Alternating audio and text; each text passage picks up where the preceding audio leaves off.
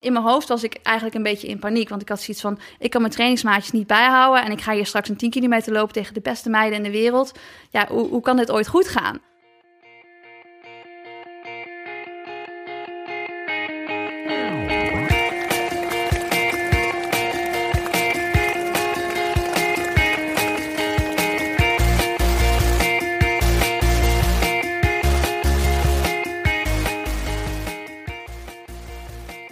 Welkom bij deze dertiende aflevering van Suzy Q&A, de altijd speciale podcast over hardlopen, training en wedstrijden. Ik ben Olivier Heimel, hoofdredacteur van Runners World. En naast mij hier in Hilversum zit Susan Crummins, de nummer 5 van de paraloop. en atlete Julia van Veldhoven, de nummer 13 van Europa op de 3000 meter. Ik uh, hecht enorm aan statistieken merken. Oh, lekker intro. hey, uh, Suzanne, uh, laten we het eerst even over de paraloop hebben. Hoe was, je, was de voorbereiding smetteloos deze keer? nee, niet helemaal. Nee, dat was... ja, ik had natuurlijk heel hard getraind voor die CPC, voor de mhm. halve marathon. En uh, daarin ook wel een beetje risico genomen en uh, wat meer kilometers gedaan en zo. En ik merkte wel al in die week van de wedstrijd dat ik mijn taper echt nodig had. En dat is op zich geen probleem, want het is wel vaker zo dat ik voor een wedstrijd denk van... oké, mijn lichaam begint een beetje te zeuren, ik heb mijn taper nodig, nu loopt de wedstrijd. En de week daarna heb ik meestal nergens last van. Even voor alle luisteraars, de taper is dat je iets minder gaat doen... Ja, dat je echt een stuk minder gaat doen in de week van de wedstrijd. En dan lost eigenlijk met die taper, los je eigenlijk al die kleine pijntjes, los je gewoon een beetje op. Loop je je wedstrijd... Nou, en de week daarna ben je alweer vergeten dat je daarvoor pijntjes had. Dus nou, ik dacht ook nu... Ik had natuurlijk de CPC niet gelopen. Maar in de week daarna dacht ik wel van... Ehm, ik ga... in de week daarna dacht ik wel van... Uh, ja, nu heb ik die wedstrijd niet gelopen en nu gaan we de parelloop doen. En dan wil ik eigenlijk voor de 10 kilometer wel een beetje goed voorbereiden. Maar heb je doorgetaperd dan, zeg maar? Of niet? Nou, ik wilde dus eigenlijk dus uh, weer ben het helemaal kwijt. je was aan het taperen. Ja, toen ging de wedstrijd niet door. Ja, dan lijkt me een moeilijke keuze. Waar ga ik dan weer? Nee, dus na de, nadat de CPC dus niet doorging... Ik had natuurlijk die halve marathon training gedaan. En mhm. toen dacht ik van ja, omdat ik die halve marathon nou niet gelopen heb wil ik me wel een beetje goed voorbereiden op de 10 kilometer. En nog wat scherpe trainingen erin doen, zodat ik ja, ook wat meer snelheid heb eigenlijk. Alleen ja, mijn lichaam dacht er dus anders over. En uh, ja, ik had gewoon wat pijntjes in de keten. Het was ook allemaal een beetje vaag. Dus uh, mijn voet zeurde een beetje, mijn Achillespees zeurde, zeurde een beetje, mijn kuit, mijn hamstring. Dus het was niet echt één plek die je kon aanwijzen. Maar het was gewoon duidelijk dat er iets... Gewoon in één wrak. Nou ja, in de keten be bewogen gewoon iets niet goed. En dat, dat, ja, dat, dat uitzicht dan in, in verschillende pijntjes. En uh, ik dacht van ja, ik kan hier wel mee lopen. Dus dat is op zich niet zo'n heel groot probleem omdat ik ermee kan lopen. Maar ik kan er niet voluit mee trainen. En toen dacht ik wel, ja, in die, in die voorbereiding naar de paraloop hoef ik natuurlijk ook niet meer zoveel trainingen te doen. Maar over twee weken ga ik ook weer op stage, op hoogte, naar Amerika. En dan wil ik daar dus aan het einde van die stage een wedstrijd lopen, 10 kilometer. En daar dus limieten gaan lopen. Dus dan moet ik wel gewoon goed kunnen trainen. Dus ik dacht van ja, ik kan hier gewoon een beetje passief zitten wachten tot, tot al die pijntjes weggaan. Of ik kan gewoon eventjes uh, ja, proberen het probleem te vinden en dat op te lossen. Dus toen ben ik, uh, ja, heb ik snel wat vluchten naar Ierland geboekt. Ben ik naar Jared gegaan om... Uh, ja, Jared is jouw fysio, jouw speciale wonderdokter in ja, Ierland? de wonderdokter. Die, ik ga daar sowieso twee keer per jaar of zo ga ik daarheen voor een oh. soort, van, een soort van APK doet hij dan. Dus die, Jared die, die werkt ook heel veel samen met, met heel veel andere goede atleten. Zoals, nou ja, zoals Paul Radcliffe heeft hij heel veel voor gedaan in haar carrière. En, en Usain Bolt, maar ook heel veel andere lange afstandloopsters. Dus hij heeft daar heel veel ervaring mee en weet eigenlijk wel maar jij vaak... noemt het ook samenwerken, dat vind ik mooi. Ik ga ook wel eens naar de visio. Het is echt... we hebben goed samengewerkt. Ja, samenwerken, omdat, omdat hij niet alleen behandelt, maar zeg maar voor iemand als Polla reist hij ook mee naar stages en, en naar wedstrijden. En zo, dan noem ik het wel samenwerken. Ik ga daar wel heen voor een behandeling. Nou, dat, is oké. Jij maakt het stuk en hij maakt het weer goed. Er is ook een soort rolverdeling. Nee, maar um, hij kijkt dan eigenlijk naar de hele keten en, en, en probeert dan eigenlijk gewoon ja, de kink uit de kabel te halen. Zodat je dus uh, een beetje aan die zwakke schakels kunt werken en dat dat later ook geen probleem veroorzaakt. En dat is eigenlijk de hoofdreden dat ik naar Ierland ga. Maar nu kwam het toevallig ook goed uit dat ik eigenlijk, ja, dus nu op de korte termijn iets wilde oplossen. Dus nou, daarom ging ik dus daarheen om, uh, ja, ook om te kijken of het, of het verstandig was om dat weekend een wedstrijd te lopen bij de parelloop. En gelukkig was dat zo. We wisten uiteindelijk, het kwam door een beetje, nou, disbalans eigenlijk een uh, SI-gewricht wat niet zo lekker liep. Waardoor ik een beetje aan het compenseren was. En waardoor ik dus eigenlijk van het hele rechte been last had. Dus ja, heel moeilijk was het uiteindelijk niet. En dat is gewoon opgelost. En zei ja, nu kun je die wedstrijd wel gewoon gaan lopen. Maar ik ging er natuurlijk niet met de perfecte voorbereiding in daardoor. Want ja, niet heel specifiek getraind. En, en eigenlijk ook een stuk minder getraind. En, en best wel hard behandeld. Dus ja. Uh, ik, ja, ik stond daar niet helemaal super fris aan de start. Zoals ik dat normaal bij een wedstrijd zou hebben. Heb je trouwens ook dat als je naar de visio gaat. dat het dan op het moment dat je dan binnenkomt. dat het dan minder erg is? Dat heb ik namelijk ook bij de dokter vaak. Dat je, je hebt een klacht en dan, en dan, dan neem je die klacht echt heel serieus. En dan ben je er en dan denk je, ja... Nee, dat, eh, nee, dat heb ik helaas niet. Nee, dat zou wel lekker zijn. Ik zou, dat wel, eh, ik zou ervoor tekenen als dat Nou ja, als je helemaal in Ierland zit, kan ik me ook voorstellen dat je bijna... Je... Dat je er helemaal heen gevlogen bent. Dat je Ja. zegt van, nou ja, dan moet het goed Mm. zijn. Ja, Ja. Dat is, eh, nee, dat is niet zo. Dus ik kon niet meteen omdraaien en weer terug, terug naar huis. Maar, nou ja, maar goed, je zat, wel... je, je zat met plakband weer aan elkaar, zeg Nou, maar. het was en een toen- heel nuttig bezoek. Nee, het was het niet met plakband. Zo dramatisch was het gewoon niet. Maar het was wel, ja, het was wel nuttig en, en, en goed dat we het even opgelost hebben. En eh, ja, en toen stond ik dus bij de parenloop aan de start. En eh, ja, ik was natuurlijk ook niet helemaal uitgerust. Want je wordt er ook wel echt wel moe van als je zo Al dat reizen, ja, ja. wordt. Ja, ook de behandeling zelf. Omdat het toch wel pijn doet. Eh Ziggo was er toevallig bij met van hier tot Tokio. Oh, Dus- dus we gaan... dus de- je, je kunt alle, alle painfaces kun je daar mooi in bekijken. Het was, ja, het was niet heel gezellig. Het was, eh, het was wel Nee, maar nu, nu moet je echt een beetje een beeld scheppen van wat ik daar ga zien. Jij hangt ergens en hij is aan het slaan. Nee, het is, nee, het is gewoon... Ja, eigenlijk is het... Als mensen aan mij vragen van... Wat doet hij nou precies? Ja, hij gaat op zoek naar die, naar die kink in de kabel. En daarvoor moet je best wel diep graven soms. Dus dat betekent dat je dus best wel hard moet behandelen. En, en ja, best wel de spieren ook wel... eh, ja, soms diep moet masseren om, om te vinden waar het probleem zit. En ja, dat voelt niet altijd even goed. En vooral als dat dan een tijdje bij een bepaalde spier niet gebeurd is... dan, eh, dan kan het heel pijnlijk zijn. Maar is het echt huilen? Eh, ik heb niet gehuild, dit keer niet. is wel eens een keer eerder geweest dat het wel zo was. Maar ja, Oh, de ja. camera was erbij, dus ik kon natuurlijk niet huilen. Nee, nee. Nee. Het is, eh, het geluk heb jij dan weer. Ja, maar... heb, eh, heb jij ooit gehuild bij de video, Julia? Nee, ik heb nog nooit gehuild bij de fysio omdat hij zo hard behandelde. Ja, dat, Ik denk ja. dat dat niet goed is. Nee, nou, nee, ja, dat, nou het, is, het is bij mij wel eens gebeurd, ja.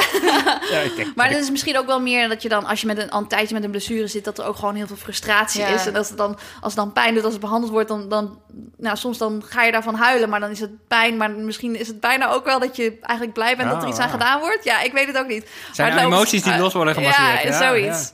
Maar eh, ja, nee, dus daarom stond ik wel een beetje anders aan de start bij de parenloop. En ehm, ja, uiteindelijk, ik wist ook van tevoren, ik was al gewaarschuwd door heel veel mannen in ieder geval, dat, dat, het, dat de start dat het daar best wel eh, ja, eh, lomp aan toe gaat. En dat, het, eh, dat er veel geduwd wordt. En dat Maar normaal start je ook niet bij de mannen mee, toch? Was dit de eerste keer dan, Dit, dit was de eerste Oh. keer bij de parenloop. Ja, dus ik, ik, ik, ik kende het parcours ook niet, maar dat heb ik natuurlijk wel eventjes verkend. En ik zag inderdaad dat het bij de start is het, is het niet zo heel breed. En nou ja, ik, ja, omdat het een snel parcours is, gaat iedereen gewoon hard van start ook.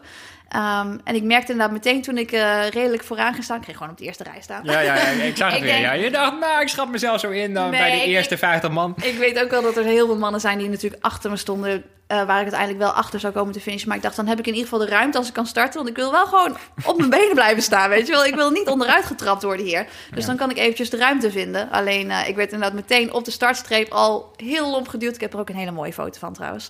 Oh. Eh, ja, wel erg grappig. Maar ja, en toen heb ik gewoon die eerste 100 meter knieheffend afgelegd eigenlijk. en ja, het was gewoon... Ja, ik wil gewoon dat niemand op mijn hak ging trappen. En, en normaal, bij heel veel wedstrijden is het zo dat je dat 100 meter doet, misschien 150 meter, en dat je daarna eventjes adem kan halen. Nu heb ik eigenlijk gewoon een kilometer geknieheft. en, en die kilometer die, die ik dus geknieheft heb, kwam ik dus in 2,58 door. Dat is voor een knie even best behoorlijk, ja. Ik vond het best goed. En dan ging ook nog een beetje bergop. Dus Ja. ja, ja, ik kwam Ja, maar daar... het parcours is helemaal niet vlak, toch? Ik heb hem ook eens gelopen. Ik heb twee herinneringen aan, namelijk heel veel dranghekken. Ja, klopt. En, en Ja? heuvels. Ja, nee, Limburg, het, is, hè? het is niet super vlak inderdaad. Maar ja, wat je, ja, als je omhoog loopt, ga je natuurlijk ook weer naar beneden. Dus ergens ga je ook wel weer naar beneden. Maar eh, ja, die eerste kilometer kwam ik dus inderdaad veel te hard door. Iemand vertelde me dat ook. Die zei, hup Suzanne, eh 2,58, dat is veel te snel. Ik zei, ja, dankjewel. dat, is, dat weet ik, maar er is op dat moment natuurlijk niet meer zoveel aan te doen. Dus toen probeerde ik wel gewoon echt om eventjes de rust te vinden en langzamer te lopen. Want ik wist, ja, dit tempo ga ik niet volhouden. Alleen ja, de eerste drie kilometer kwam ik toch nog in, nou ja, wat was het, 9, 11 door of zo.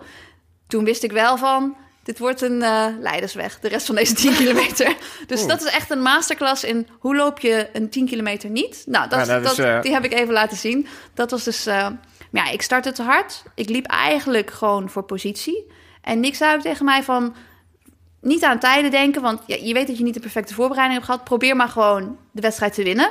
Nou, dan wist ik wel dat er goede atleten meeliepen, maar ik dacht van ja, ik ga gewoon in ieder geval in de top 3 blijven lopen. En zij starten nog veel harder. Zij liepen nog echt 20 meter voor me. Dus zij waren nog veel harder gestart. Ook knieheffend? Of? Ik denk het ook, ook knieheffend. Maar ja, daardoor heb ik me natuurlijk wel een beetje laten meeslepen. En normaal zou ik wat beter tempogevoel hebben. En dan meteen na 500 meter al door hebben, ik ga veel te hard.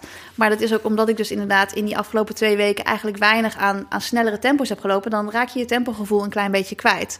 En dan denk je, oh, het voelt wel heel snel. Maar het voelt heel snel omdat ik geen specifieke training heb gedaan. Ja, en pas als je dan de, de klok ziet, denk je van, oh nee, dat is toch omdat het gewoon snel is. maar toen was dat te laat. Heb jij wel eens uh, de parenloop gelopen? Ik heb wel eens uh, de vijf kilometer bij de parenloop gelopen.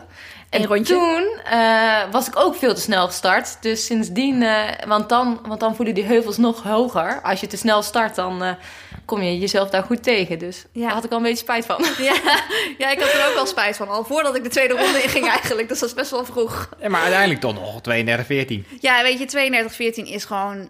Is, is geen dramatische tijd. Maar eh, ja, vorige maand liep ik natuurlijk een minuutje sneller. En ik weet ook dat ik veel harder kan. Maar ja, de manier waarop ik dit gelopen heb met deze voorbereiding... en ik zei dat ook al eventjes kort in, in mijn Instagram-post... Ik, ik ben daar wel blij mee dat ik gewoon dat ik ten eerste gezond ben... dat ik de wedstrijd goed door ben gekomen. Ja, en dat ik dan die tijd loop, dat is gewoon een, een mooi startpunt... voor ja, de voorbereidingen op het baanseizoen. Volgens mij is het 1 seconde onder mijn PR. Oh? Bedenken we nu. Ja, ja, dus iedere keer als jij zegt dat het een dramatische tijd is. dan- dat heb ik toch helemaal niet gezegd. Het is een best wel een mooie tijd. Precies. Ja, Ja. Ik, ben er, ik ben daar best tevreden mee. Voor een meisje. Ja. Eh, ja, ik eh, liep eh, in de tussentijd een marathon natuurlijk. In Ja. Amstelveen. Ja. Hoe ging dat? Eh, ja, nou, eh, nee, dat was wel pittig. Ja. Ik heb lang nagedacht over wat ik er wou, ze- over wou zeggen. Want ehm, ik heb afgelopen week een praatje gehouden over onze podcast. En toen vertelde ik heel trots dat we altijd zo luchtig zijn en zo. Ja, Eh, dus dat we ook graag zo houden. Eh, maar dit was wel een beetje een teleurstelling, ja. het is, eh, ik heb het 20 kilometer volgehouden zo. Vooral omdat eh Imo, mijn eh, collega, die liep mee als haas. En eh, ik heb denk ik vanaf de vijfde meter of zo al gezegd... nee, nee, vandaag is toch niet mijn dag. Ik, ik, heb, ik heb last van mijn, van mijn zij en ik heb last van mijn heup. En, eh, en, eh, hij Ja. zei maar, doorlopen, doorlopen, kom op maatje. Ja, als je er van het begin af aan al niet in zit, dan is het natuurlijk ook moeilijk om erin te komen. Dat is, met zo'n marathon lijkt me dat eh, ja, ja, een hele ja, dat is een marathon gewoon heel lang, ja. Ook Ja. omdat als je jezelf al een beetje naar beneden... Ja, de dag van tevoren was, was ik een beetje door mijn heup gegaan. Dus ik had wel echt de reden om een beetje miserig te zijn. Ja, Eh, maar dan, ja, een beetje steken. Je zei, je hebt er niet zo last van, dat ken jij wel. Maar poeh, in een marathon, als je dan echt al een beetje somber wordt... en denkt, dit zou de dag van mijn leven moeten zijn... maar dit, dit wordt hem niet, dan, eh, dan is het best een end, ja. ja, Ik had ook thuis, het is namelijk best wel lastig om, om een marathon. Het kost gewoon heel veel tijd. En ik heb natuurlijk best in een, best een drukke baan en een gezin enzovoort. Dus ik had thuis gezegd, als deze goed gaat, dan doe ik het nooit meer. Ja. Dan, dan zijn jullie van me af. Dan ga ik Ja. voortaan eh, aan iedereen tijd besteden, behalve aan mezelf. Dus zo had ik de druk nog wel verder opgevoerd, denk ik. En ik voer de druk al behoorlijk op. Dus Ja. dan, nou ja, alles stond op het spel. En toen, eh poeh. maar dat betekent dus dat je het nog wel een keertje gaat proberen. Nou, poeh. Dat weet Maar- je nog Het niet. was wel een hele donkere tunnel. Dus, eh, Kwam het ik dat het zo slecht ging omdat je dan te veel druk erop had gelegd? Of? Ja, als je iets heel erg graag wil, en ik vind het een beetje kinderachtig om het zo graag te willen, want ik weet dat ik een heel leuk leven heb en eh, dit, ik bedoel, het is Ja, allemaal er extra, zeg maar. voor getraind Maar ja, soms wil je Ja. inderdaad gewoon heel graag iets. Eh, en ik wil het gewoon heel graag. Dan moet je de dagen van tevoren ook een soort in je hoofd uitleggen dat het ook heel goed niet goed kan gaan. Ken je dat? Ja, ik denk het wel. Ja, Want dat anders je, denk je, je, eh, dat zo je behoedt waarschijnlijk gaat het niet hele- goed. En want, eh, eh, dan moet je ook door, Olivier, zeg maar. Ja. Dus dan, dan ben je eigenlijk alleen maar met scenario's bezig van... oké, stel dat het nou niet je droom wordt, dan... En Ja. dus dan uiteindelijk eh, is het net of je een soort Rolodex bekijkt met alleen maar scenario's... en die zijn dan allemaal negatief, zeg maar. Je kan daar bijna niet meer... eh, ja, als er geen positief scenario bij zit, dan is het eh, natuurlijk lastig omdat... eh, Ja, terwijl ik verder eigenlijk prima liep. Althans, het tempo was eh 3,45, was heel mooi. En, ja, Ik vond het ook wel hartverscheurend, want mijn vrouw en dochter die stonden dus op 10 en op 20. Maar mijn stiefzoontje, die, die is om de week bij ons en om de week bij zijn vader en bij zijn stiefmoeder. En zijn vader heeft zijn- been gebroken, dus die kon niet komen. Maar de stiefmoeder en hij hadden ingesproken van wij staan op 35. En ze stonden dus op 35 met een spandoek. Maar het beeld gewoon dat ik dan... En ik kon me er gewoon niet meer toe zetten om naar die 35 te gaan. Want ik dacht, ja, Ja. die 35, dan kan ik het ook niet meer maken om niet uit te lopen, zeg maar. Want dan ben ik al op 35. maar ja, dan weet je in ieder geval zeker dat het er niet in zat. Want als je daarvoor niet naar de 35 kon lopen, dan, dan Ja, was het gewoon echt je dag niet. Oh, maar het is gelijk toen ik stopte, toen ging ik natuurlijk ook zeggen... iemand moet Marijn bellen, want Ja, dacht, oh man, stel dat hij al in Amstelveen... En wij wonen in Brabant, hè. Ik bedoel, Amstelveen is niet echt vijf minuten fietsen, zeg maar. ja. Al met al. hartverscheurend. Ja. Ja, dat is een marathon. Dat is natuurlijk wel, er zit ook altijd wel heel veel emotie in, omdat het natuurlijk een langere wedstrijd is waar je ook langer op voorbereidt. En ik denk dat dat maakt het uiteindelijk ook mooi. Ja, als het Maar lukt ook- is het extra ja, leuk, ja. inderdaad. Maar dat is, ja, dan zit er gewoon wel emotie in. Dat is ook wel mooi. Het was wel een... eh, Ja, dat vind ik namelijk ook nou... Ik kan me enorm ergeren. Misschien moet ik dat niet delen, maar... Jij hoort ook wel eens, en dat horen jullie allemaal, eh, dat, dat iemand dan zeg maar gitarist is en die zegt, eh, nou 60 keer per jaar optreden, dat is echt topsport. En dan denk ik, dat is echt onzin. Het is heel zwaar en zo, en dat is allemaal prima, maar het is geen topsport. Ik bedoel, wat ik doe is geen topsport, want het is niet op een heel hoog niveau. Maar een onderdeel van topsport is wel dat het ook heel goed niet kan lukken. Ja. Terwijl die 60 optredens, die gaan eigenlijk altijd wel min of meer oké. Er is Ja. niemand die zegt vandaag, wat echt verschrikkelijk. Maar wat jullie doen, daar, daar, daar heeft gewoon een risico. De ene keer gaat het goed en de andere keer gaat het heel slecht. Ja, Dat is topsport voor mij. nee, inderdaad. En dat je erin investeert en dat je eigenlijk niet zeker weet of je er iets voor terugkrijgt. En dat is natuurlijk een soort van risico wat je neemt. Maar ja, daarmee ja, kan er ook een hele, hele grote teleurstelling zijn. En dat is natuurlijk wel, eh, ja, dat is altijd wel een beetje spannend. Ja, dus dit is een kleine les voor alle blogfluiters in de wereld. Zeg gewoon dat het heel zwaar is, en sport, maar zeg nooit het is topsport. Ja, Ah, fijn. Julia, we gaan eindelijk naar jou. Want je bent nu een eh, paar weken terug van het eh, EK Indoor. En dat was een eh, bijzonder succesvol EK Indoor voor Nederland. Misschien niet per se voor jou. Ik denk dat je op meer gehoopt had. Ehm, ik had inderdaad wel meer gehoopt, maar de voorbereidingen twee weken van tevoren die waren gewoon heel erg slecht. Dus dat wist ik al van tevoren. Ehm, Maar het was allereerst een verrassing dat je geplaatst had, toch? Ja, ik had van tevoren, eigenlijk deze winter had ik bedacht, ik wil graag voor het EK Cross gaan. Nou, dat was gelukt en dat was voor mij al heel mooi. En toen ik dat gehaald had, toen eh, was voor mij wel een puntje dat ik echt dacht, wat zit er nou nog meer in? Wat nou als ik nou meer op sport ga focussen, wat kan ik er dan nog meer uithalen? Want ik werkte gewoon fulltime en eh, ik liep altijd wel hard, maar het was voor mij gewoon iets wat ik ernaast deed. Dat ik, wat nou als ik daar nou meer tijd in steek? En eh, toen ben ik dat gaan doen. Dat heb ik ook uitgesproken. En eh, toen ben ik 16 uur in de week gaan werken vanaf januari. Toen zei mijn trainer van, nou ja, wat is dan je doel? En toen dacht ik, nou, dan wil ik wel toernooien lopen. Wil ik naar de 5 kilometer toe. Zei, ja, hartstikke mooi. Maar, Die gaan we eh, net afschaffen, maar... Ja. Komen we Oh, later over te spreken. ja, nee. En ehm, toen zei hij van, nou, dan moet je eigenlijk in de winter nog wat snelheid doen. Dus als je nou een drie, een kilometer pakt, eh, dat is een goede voorbereiding voor de zomer. Dus toen dacht ik, nou, kunnen we dan niet een drie kilometer indoor doen? Maar mijn PR van drie kilometer stond op 9,44. Dus ik kwam eigenlijk geen enkele grote indoorwedstrijd kwam ik binnen. En ehm, toen was er een wedstrijd in Apeldoorn. Er zat geen drie kilometer in voor vrouwen. Maar toen zeiden ze, nou, dat die, die eh, wedstrijd willen we best wel erin stoppen. Maar dan moet je wel zes meiden regelen die dan ook willen lopen. En dan moet je dan een haas regelen die, die voor jouw tempo kiest. Dus, eh, nou ja, zo gezegd, zo gedaan. Dat hadden we dus... eh, Maar heb jij zes meiden geregeld daarvoor? ja, dus ik heb... Oh, wauw. Ik denk dat via ik Instagram, toch? ja, ik heb via Instagram een post gedaan. Ik heb iedereen via Facebook een berichtje gestuurd. Van wie wil er een drie kilometer indoor lopen. En het was tegelijk met een cross die ook dat weekend was. Dus bijna niemand wilde. Maar uiteindelijk heb ik er zes gevonden. En ik had twee hele goede hazen. Eh, en eh, toen dacht ik, nou ja, als we dan toch een wedstrijd hebben... dan gaan we gewoon weg op het eh, EK-limiet. Ja, niet geschoten is altijd mis. Ja. Ja, en die wedstrijd ging gewoon supergoed. Het ging heel erg makkelijk. Ik zat echt in zo'n flow. Ja, je hebt van die dagen, wat jij waarschijnlijk zondag had, Olivier, Ja. dat het gewoon niet lekker gaat. Je hebt van die dagen waarin je gewoon in zo'n flow zit en waar het gewoon vanzelf gaat. Ja, en dat had ik toen. En eh, toen liep ik dus vier seconden onder het limiet. En waarbij ik zeven rondjes nog in mijn eentje moest lopen. Ja, dus- Ken, ken je de limiet trouwens? Ja, ja, ik had wel van tevoren even opgezocht. even, even te weten. ja. Ja, ja, ja. Ik had wel van tevoren even opgezocht wat het limiet was. En ik had ook met de hazen besproken van, nou ja, daar gaan we dan wel op weg. En ehm, nou, toen had ik het gehaald, toen was ik natuurlijk super blij. Maar ja, toen dacht ik ineens, wow, nou sta ik op het 1K indoor. wat nu? Mijn ouders hadden hem tegengeboekt, dus eh super leuk. maar ik dacht dan, oké. Een belangrijk onderdeel van de voorbereiding. ja. Ja, ja, ja, dus het ging voor mij ineens heel snel. Omdat ik in januari natuurlijk gezegd had van... ja, ik ga 16 uur in de week werken. Ja. En ik ga echt voor dat sporten. En in februari liep ik al het limiet. Ja, in maart is het EK Indoor. Dus voor mij was het echt een soort eh, rollercoaster waar ik in zat. Ben je toen weer op stage geweest? Want ik weet dat je in ieder geval in Zuid-Afrika hebt voorbereid natuurlijk op de limietpoging. Ja, ik ben eh, voor het EK Cross ben ik Ja, naar Zuid-Afrika oh ja. geweest.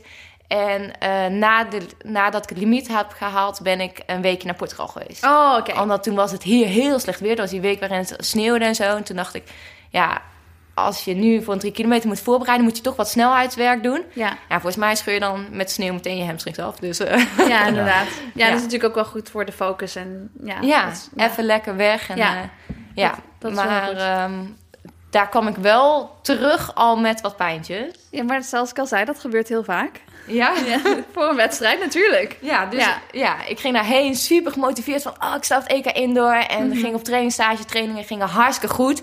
Nou, dan, dan denk je van, ik kan de hele wereld aan.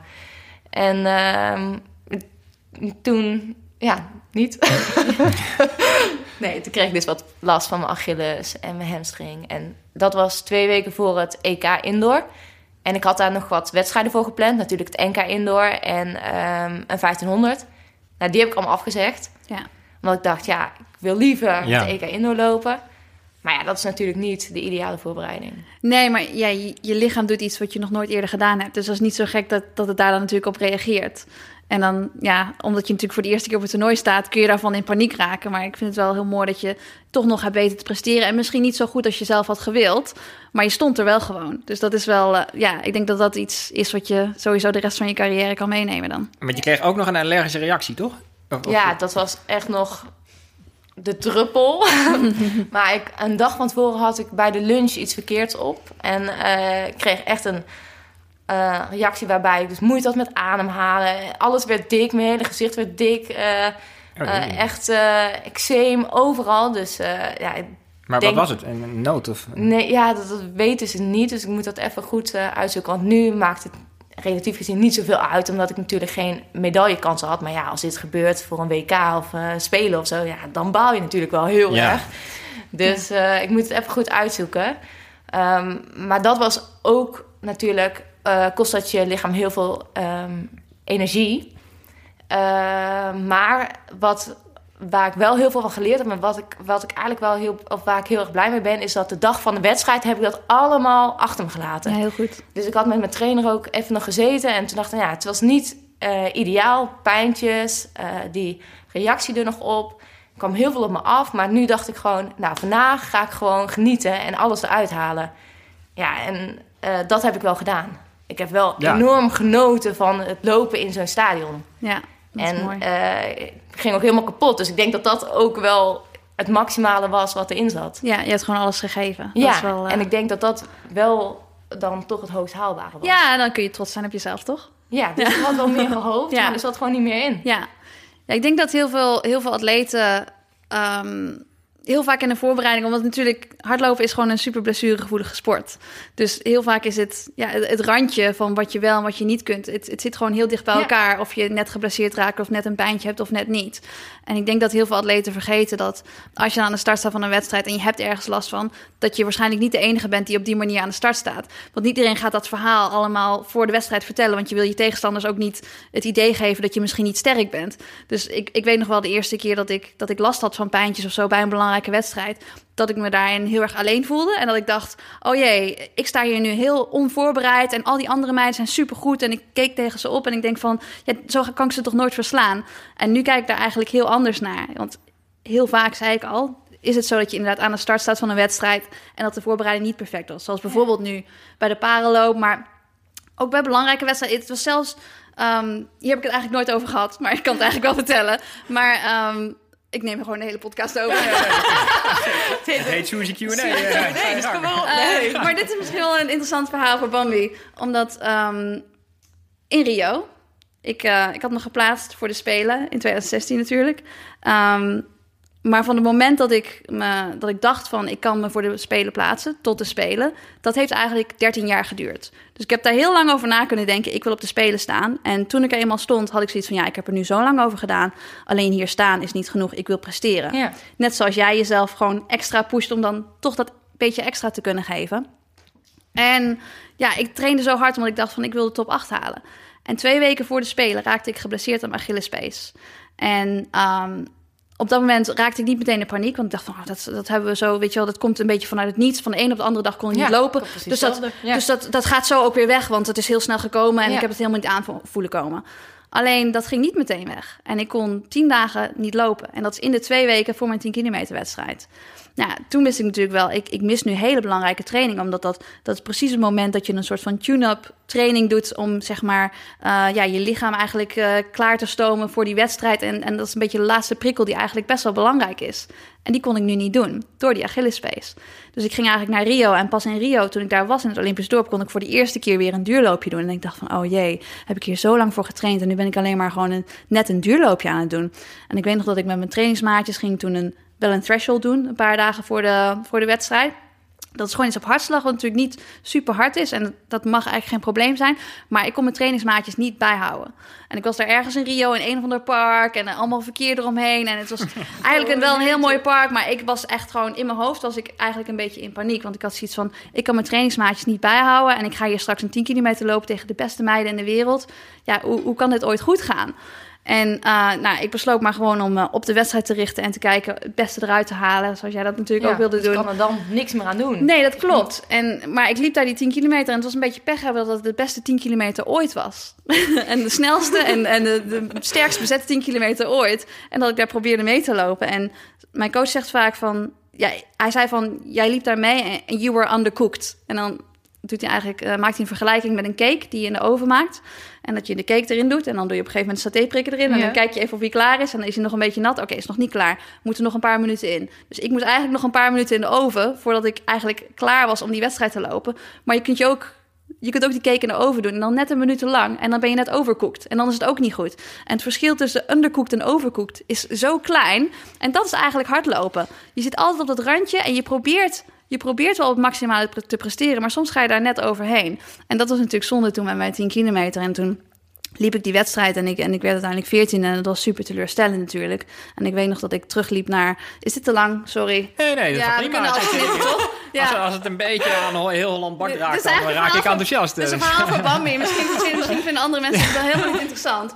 Maar ik weet nog dat ik Doe terugliep... ze allemaal zo doorspoelen tijdens een Eh, duurloop. ja, een Bambi is jouw bijnaam, voor, Oh, mensen ja, denken... Voor mensen Ja. denken, hier is er nog een vierde gast, maar... eh, Nee, ja, en ik weet nog dat ik terugliep en, en door de mixzone en, en door de catacomben terug naar het warming-up veld, waar natuurlijk mijn coach was, Nick. En ik weet nog dat ik daar naartoe liep en dat ik dacht, oké, we moeten het even gaan analyseren wat er nou mis is gegaan, wat er goed is gegaan, zodat we het de volgende keer anders Ja. kunnen doen. En ik had allemaal in mijn hoofd waar ik het over wilde hebben en ik zag hem.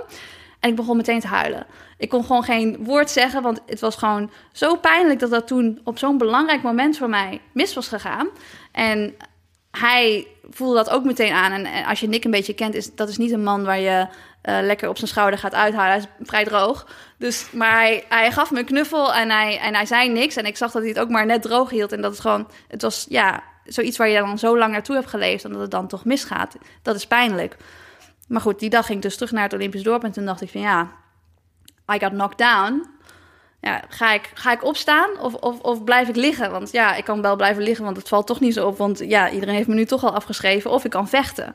En toen de volgende dag toen, eh, had ik afgesproken met Nick in het Olympisch dorp. En toen eh, hadden we het gewoon eigenlijk een beetje over ditjes en datjes. Een beetje van, eh, wat grappig dat al die Australiërs van die opblaaskangoeroes hebben opgehangen. En oh, zijn er ook mensen ziek in jouw team? Ik moet goed mijn handen blijven wassen. En opeens zei hij vanuit het niets, are you ready to fight? En we hadden het helemaal niet over de vijf kilometer gehad. Hij zei alleen maar, are you ready to fight? En ik zei, yes. En dat is het enige wat we er eigenlijk over gezegd hebben. En toen wist ik ook van, ja, Gewoon meteen doorpakken. ja, En- knop om ja. en, en toch, toch doorpakken. En Ja. ehm, uiteindelijk had ik toen in die vijf kilometer niks te verliezen. En zo voelde het voor mij ook. En nou ja, die, die laatste prikkel die ik eigenlijk miste voor de 10 kilometer. Mijn 10 kilometer wedstrijd liep ik nog steeds wel in 31 minuten zoveel. En dat, dat was de perfecte prikkel voor de 5 kilometer. En toen ik die 5 kilometer inging, dacht ik niet van...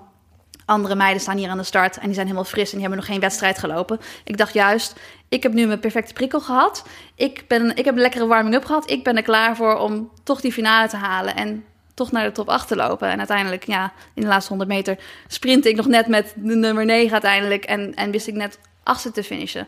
Maar ja, ik was heel blij met die prestatie toen. En wat ik eigenlijk mee wil zeggen is dat heel vaak zie je atleten aan de, aan de start staan en weet je eigenlijk niet het verhaal erachter. Er is altijd een, een soort van struggle en een verhaal erachter.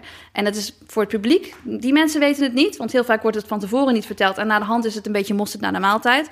Maar ook voor atleten zelf is dat heel belangrijk om dat te realiseren. Omdat je dan eigenlijk weet dat je daar niet alleen in staat. En dat je, ja, het, het heeft geen zin, zeg maar. Niemand is bulletproof. Ik ben niet bulletproof, jij bent niet bulletproof. Laura Muir ook niet.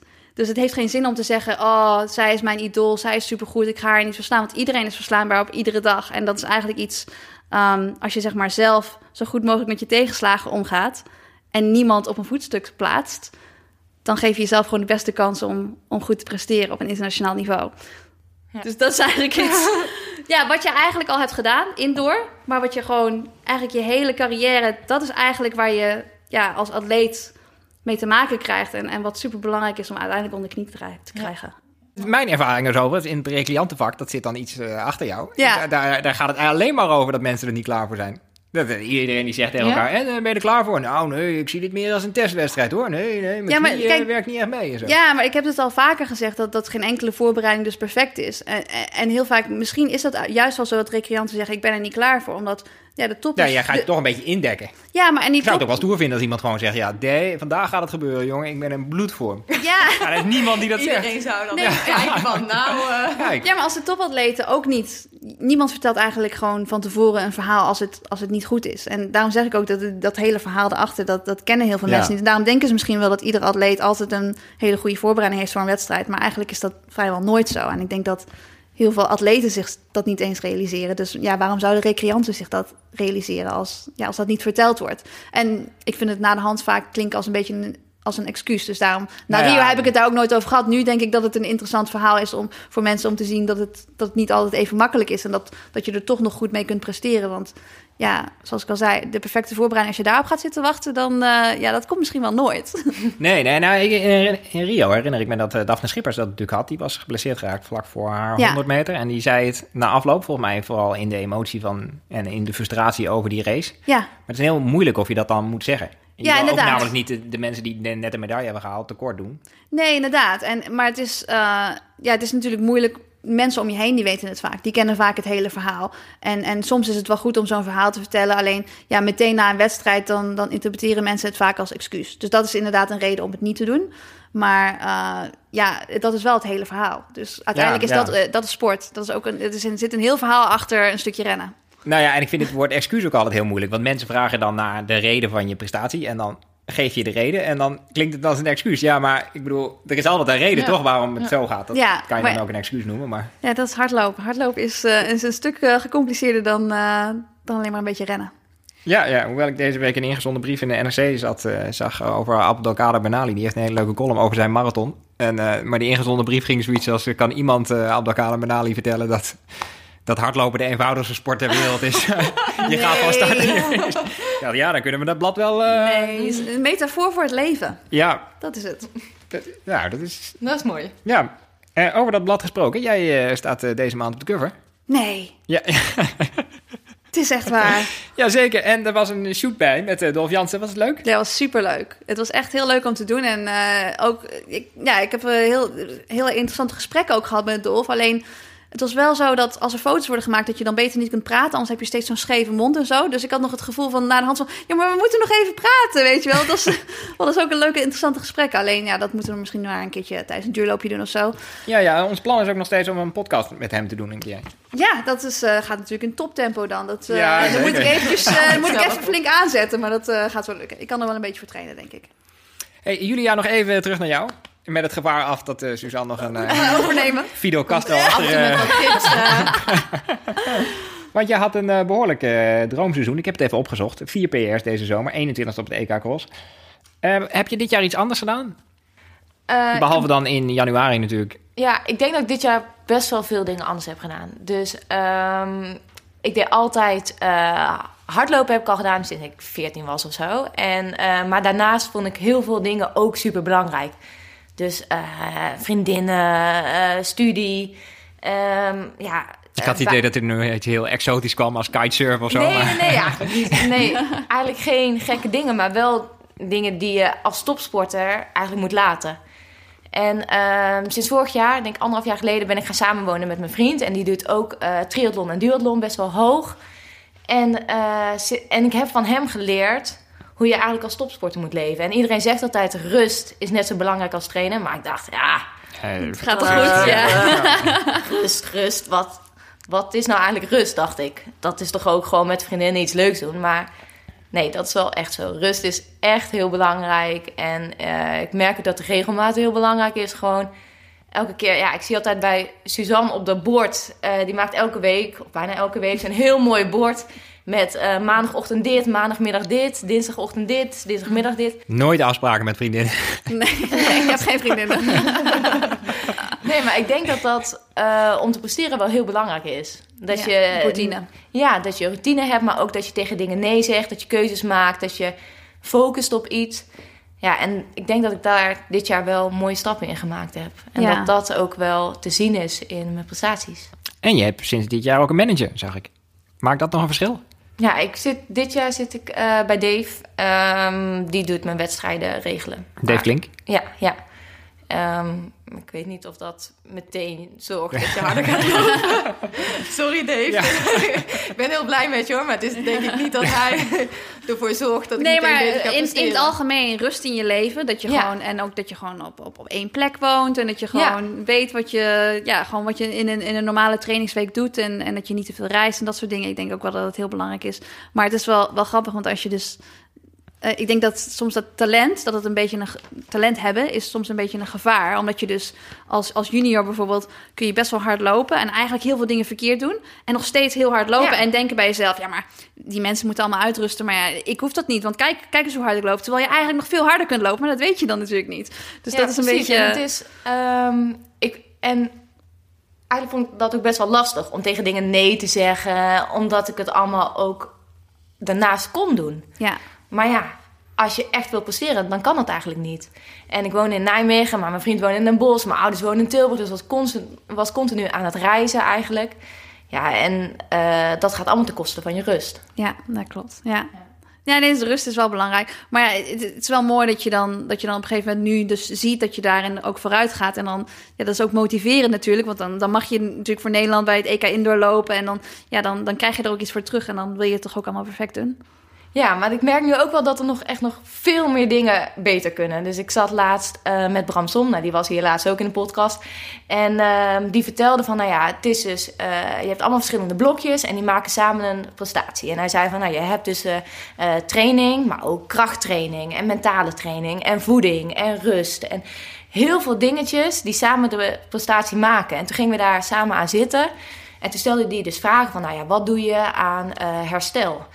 En toen merkte ik pas hoeveel ik nog kan doen eigenlijk om beter te presteren. En dat was wel heel grappig, want ik dacht dat ik al heel goed bezig was en dat ik heel veel stapjes gemaakt had. En toen bleek eigenlijk dat ik... eh, Nou, ik kan nog een minuut vanaf van die drie kilometer, joh. nou, hij zei in ieder geval van je kan nog wel wat dingen. En dat is natuurlijk altijd zo. Ik Ja. denk dat jij dat ook wel hebt. Dat er constant dingen zijn waarvan je denkt, nou, dit kan ook nog eh, beter. Ja, alleen de, de marges worden natuurlijk steeds kleiner hoe sneller je gaat lopen. Maar het is Ja. natuurlijk het is eigenlijk wel fijn om te horen dat je nog iets kunt veranderen, toch? Want dan betekent het dat je nog gewoon vooruit kan gaan. Ja, het zou wat zijn als ik met hem zou zitten en zeg, nou ja, Ik zie geen ruimte meer, ja. dit niks was het. Ja. Eh, we, we gaan even naar eh ons eerste onderdeel, volgens mij.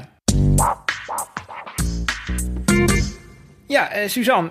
Ja, ik moet trouwens eerst even iets anders zeggen. Ik keek op jouw Instagram en ik moest ontzettend lachen over de opmerkingen over de bonus level. Heb je dat gelezen? Ja, dat heb je gelezen. Ja, bonus level. Er was een eh, Alex Smits en die herkende een vriend van hem op de foto langs de kant bij jou. En die schreef, ik stond bij je als het mijn lauwe op Insta, maar jij, jij hebt het leven uitgespeeld, man. Ja, En dan probeert iemand hem over te halen om als bonus level die vriend te taggen. En dan schrijf jij...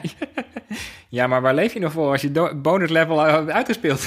Belangrijk je moet wel nog een doel hebben in je leven. Ja. Dat is toch zo? Je moet iets hebben om voor te, voor te vechten, voor te pushen. Dus eh, ik wil dat niet meteen. Ik wil niet meteen alle bonuslevels uitspelen. Dat is. eh dat zou Ja. zonde zijn.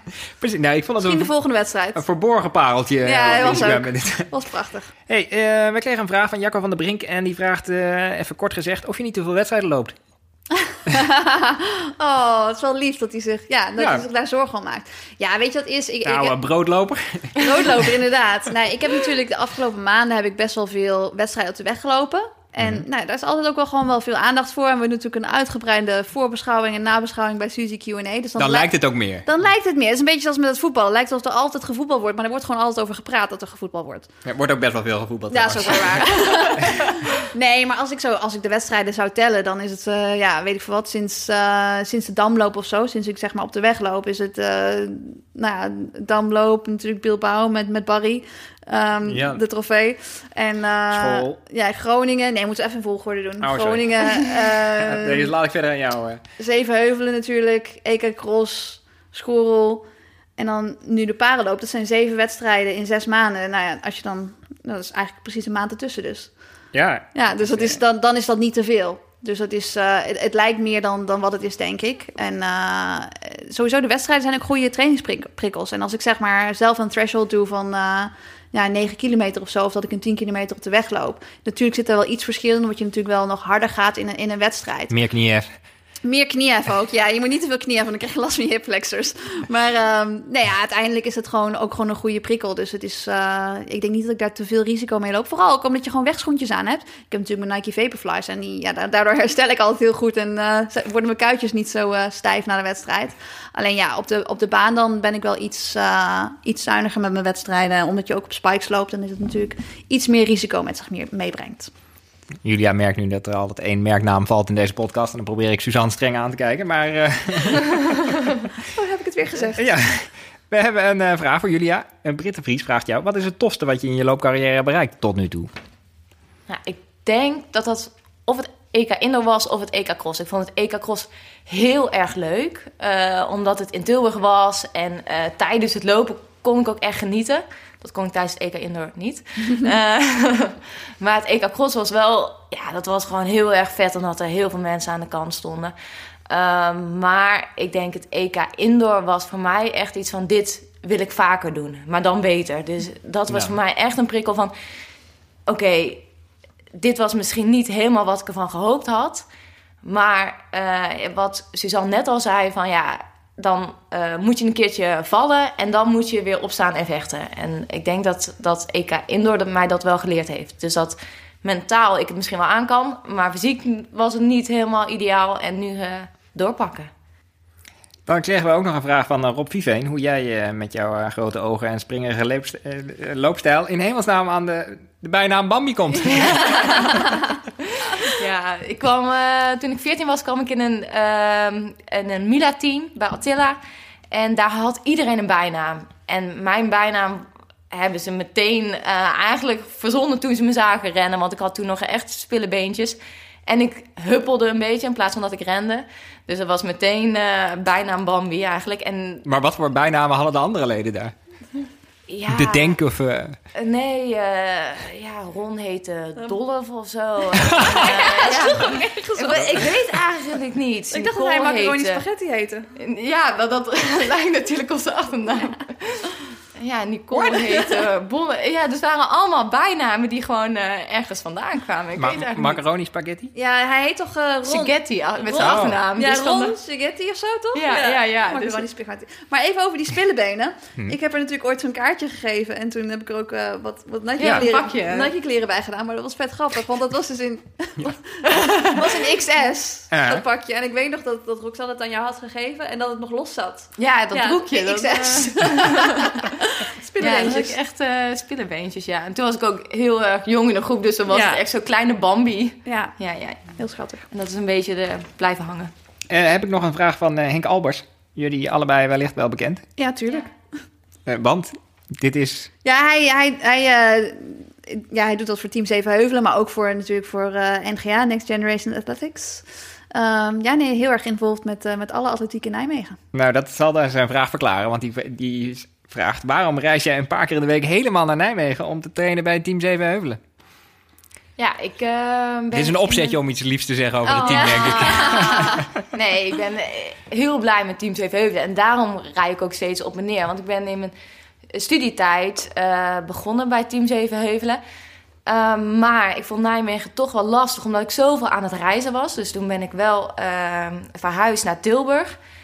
Maar eh, het team, dus de trainingsmaatjes en ook mijn trainer Joshua Mols... ja, daar zit ik gewoon heel goed op mijn plek. En dan is het voor mij fijner om dan één keer in de week of maximaal twee keer in de week op en neer te reizen. Dan elke keer voor andere dingen op en neer, voor studie of zo.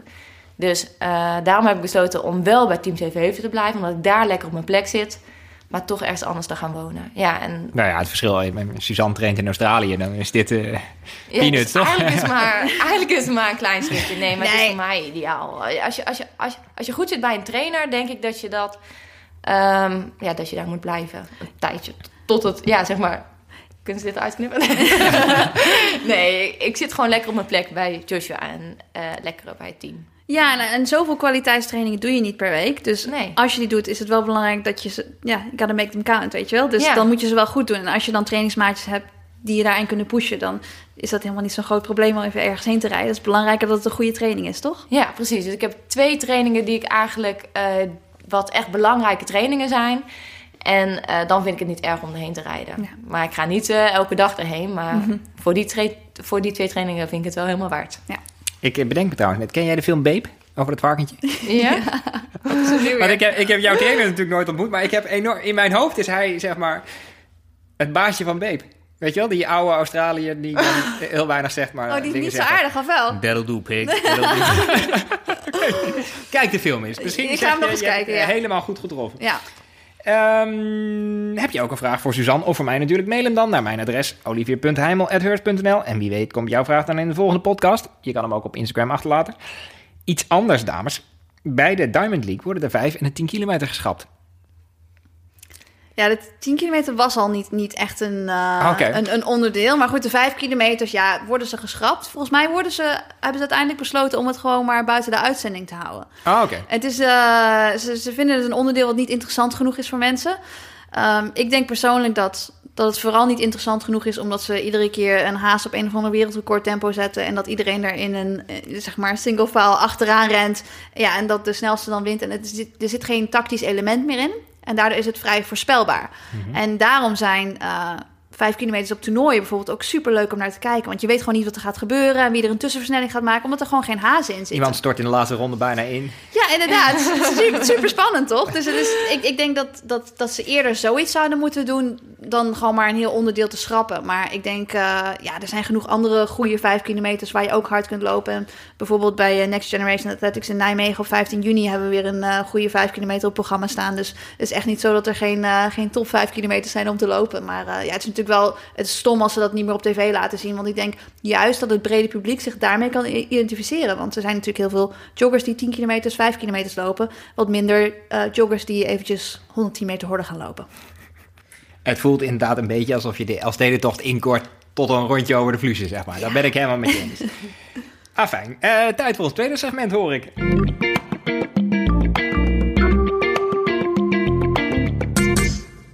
Het woord van de week. Het zou natuurlijk amazeballs moeten zijn. Een woord wat ik vandaag heb geleerd. Amazeballs. Mijn lievelingswoord. Oh, ja. dat is een mooi woord, toch? Ja, spreek jij het ook eens uit? Want ik, ik Amazeballs. Oké, amazeballs. En dat betekent zoiets als... Ja, het is een soort van eh, eh, amazing, maar dan, maar dan toch gezelliger. Met ballen. Met ballen. Want het woord amazing heeft duidelijk nog een klein beetje een gezellige touch Ja. nodig. Ehm, maar dat is natuurlijk, daar zijn we eigenlijk al over uitgesproken. Dus ik wou het even hebben over de Olympische limiet. Want dat is best ingewikkeld. Sorry? De Olympische limiet. Oh, is dit een woord van de week? Ja, Oké. Oké. Wat is de limiet? De limiet is voor de 10 kilometer 31,25. Nee, maar er hoort nog een heel systeem bij. Dat Toch? Oh, je bedoelt het systeem. ranking systeem. Ja. Ja, het ranking systeem is, is, eh, het is vrij moeilijk. Ehm, ik heb me er nog niet helemaal in verdiept hoe je punten kunt scoren en, en hoe het precies werkt en, en hoeveel mensen er zeg maar, per onderdeel mogen meedoen. Het enige wat ik toevallig heb gezien is dat ik, ik weet niet of het nog steeds zo is, maar ik stond op een gegeven moment vier- stond heel hoog, ja. ik stond vierde. Ja. Eh, en dat komt natuurlijk door het EK. En dat komt natuurlijk omdat, eh, nou ja, in, buiten Europa hebben ze natuurlijk geen EK gehad. Dus konden ze ook geen punten scoren. Dus die, die, Ah. die ranking van mij die zal omlaag gaan. Maar ik heb natuurlijk even een screenshot gemaakt. Ik zei, kijk eens mama, ik ben vierde in de wereld. Dus nou ja, dat vond ik wel leuk. Ehm, Zal ik de volgende keer dat zeggen in plaats van vijf in de parenloop? ja, inderdaad, vierde in de wereld, in de rankings. Ja, In de kijk, rankings dus system. uiteindelijk denk ik wel dat ik op rankings ook wel binnen zou kunnen komen bij de Olympische Spelen. Alleen, het is wel echt een risico wat je dan neemt. En dan hebben ze daarnaast hebben ze dus ook nog limieten. En die zijn veel scherper dan ehm, de limieten die we in het verleden hadden voor toernooien. Dus ja, 31,25 voor een 10 kilometer is natuurlijk wel doorlopen. Maar dat is wel een beetje mijn doel voor in Stanford, dat ik dat dan toch daar eventjes allemaal veilig stel. Ja, Dus dat. ik heb uitgelegd. of wel? ja jawel. Ja, maar het is gewoon best ingewikkeld. Dus ik kan me voorstellen Ja, dat ik de- uiteindelijk voor de- jou live in de podcast ga zeggen dat je geplaatst bent voor de Spelen. Zoals bij artiesten komen ze dan met een gouden plaat, zeg maar. Ja, het- daarom is het wel goed dat ze nog steeds limieten hebben. Dat je dus op, op, op een of andere manier kan je er wel gewoon zelf voor zorgen dat je je plaatst. Alleen dat, ja, daarvoor moet je wel gewoon wat harder doorlopen nu dan eh, in het verleden. En, en, en, en met de rankings, ja, dan, dan weet je het ook pas heel laat. Dus ik denk dat voor publiek, voor het brede publiek is het een beetje moeilijk om te volgen of, of iemand zich plaatst of niet. En dat was natuurlijk met, met wedstrijden zoals bijvoorbeeld bij NGA Nijmegen. Dan hadden we een race en die, die deden ze dan gewoon op, op, op het limiettempo. Gingen de lampjes ook rond de baan. Dus Ja. iedereen, iedereen die ook geen verstand heeft van atletiek en die zit te kijken, die weet gewoon, nou, als je voor het lampje eindigt, dan heb je gewoon een limiet en dan ben je geplaatst. En, en nu wordt het wat moeilijker om dat eh, ja, op die manier te doen. Dus ik denk dat het wel, ja, ik weet niet of het goed is voor de sport, maar ze willen iets veranderen en ja, zij denken dat het daardoor interessanter wordt. We gaan het zien. Ja. Ehm, en nou, eh, wat ga jij eigenlijk de komende weken doen, eh, Julia? Ehm, nou, van het EK ik een beetje last van mijn Achilles. Dus eventjes eh, wat rustiger aangedaan de afgelopen weken. En ik ga straks op trainingsstage naar Portugal voor 2,5 week. En dan eh, heb ik een blokje van wedstrijden. Volgens mij vijf weken. En dan ga ik op hoogtestage. Dus Suzanne, jij gaat volgens mij eerst op hoogtestage. Jij Ja. gaat naar Flexef, denk Ja. ik. Ja, en ik ga dus eh, later. En waar ga je heen? Ik ga naar Fontremeu. Nog nooit Oh, geweest trouwens. oké, Is ja. het leuk? Ik ben er Of, één keer eh, geweest. Leuk? Ik bedoel, is het goed om te trainen? Het is wel heel mooi om te trainen. Ja? er zijn ook veel heuvels en zo. Veel dus als sneeuw je wel, dat- maar Ja, af en toe een beetje sneeuw. Maar ik denk dat als zij gaat, dat die dan Ja, wel weer weg Ik is. denk dat eh wel meevalt. Nee, maar als je, ja, als je gewoon heel blijft in die stage, dan weet je gewoon dat je er heel sterk uitkomt. Omdat het gewoon, eh, ja, het is wel gewoon ook zwaar terrein en zo. Dus je wordt er gewoon wel sterk van. Het is een goed, goede stage om zeg maar het seizoen mee te beginnen. Om jezelf eh, ja. goed klaar te stomen voor het seizoen. Ja, dus ik begin eh, eerst met Portugal wat... eh, gewoon, een, gewoon een normale stage en dan later in juni eh hoogtestage. Ja, mooi. En jij? Ja, ik ga dus naar Flagstaff over twee weken. Eh, daar ga ik dan drie weken trainen. Oh, maar voordat ik naar Flagstaff ga, ga ik nog in Rotterdam lopen. Ook heel leuk. Ik ben nog nooit bij de Rotterdam Marathon geweest. Want ik was dus eigenlijk altijd op stage dan. Nu ga ik iets later. Expres daarvoor, omdat ik eh, ja, met NN dan die 10 kilometer ga lopen voor de Hardloop Challenge. En dan... eh, Ja, let op ook. Er zijn maar liefst 42 hazen van Runners World dit jaar. Daar zijn we heel trots op. Oh, maar die doen de, die doen de hele marathon. De hele marathon. Ja, ik ga vanaf, natuurlijk eh, de kwartmarathon doen. Dus, eh, Vanaf eh, drie uur tot vijf uur. Wauw. We iedere 10 minuten. Met vlaggetjes? Ja, zeker. Ja, ze zullen herkenbaar zijn. Ja, ik zit ook wel te denken om met een vlaggetje te gaan lopen. Want ik ga natuurlijk met, met eh, de deelnemers van de Hardloop Challenge lopen. En dan, eh, ja, dan ga Ik ik vind ook... jou meer een ballontype. Dan ga ik ook iemand hazen. Nou, ik ga iemand hazen. Dus iemand heeft een doel in die groep. Er zijn natuurlijk er zijn heel veel lopers. Er zijn er met, eh, nou ja, ehm, volgens mij meer, ja, sowieso meer dan met 100 lopers. En dan ga ik dus iemand kiezen die dan, eh, ja, waar ik dan mee, mee ga lopen en proberen te helpen en te hazen onderweg. Dus, eh, Dus nou, eigenlijk wel zo'n vlaggetje hebben met dan de tijd die je gaat lopen. Of, eh, ja, of, of ja, dat kan wel inderdaad. Maar ik weet, ik weet dus nog niet op welk tempo ik wegga. Dus misschien, heb ik wel, eh, misschien kan ik wel helemaal niet met de vlag lopen omdat ik zo hard moet. En je kan ook op het laatste moment met je viltstift op de vlag groot zetten. We ja, gaan niet verzinnen. Ja, goed. ongeveer. Om en nabij. En zo zijn we helaas aan het einde gekomen van deze dertiende aflevering van Suzy Q&A. Julia, veel dank voor het aanschuiven. Lieke van Dag en Nacht Media, bedankt voor de productie. En u, beste luisteraar, bedankt voor het luisteren. Ook namens Suzanne, blijf luisteren en lopen.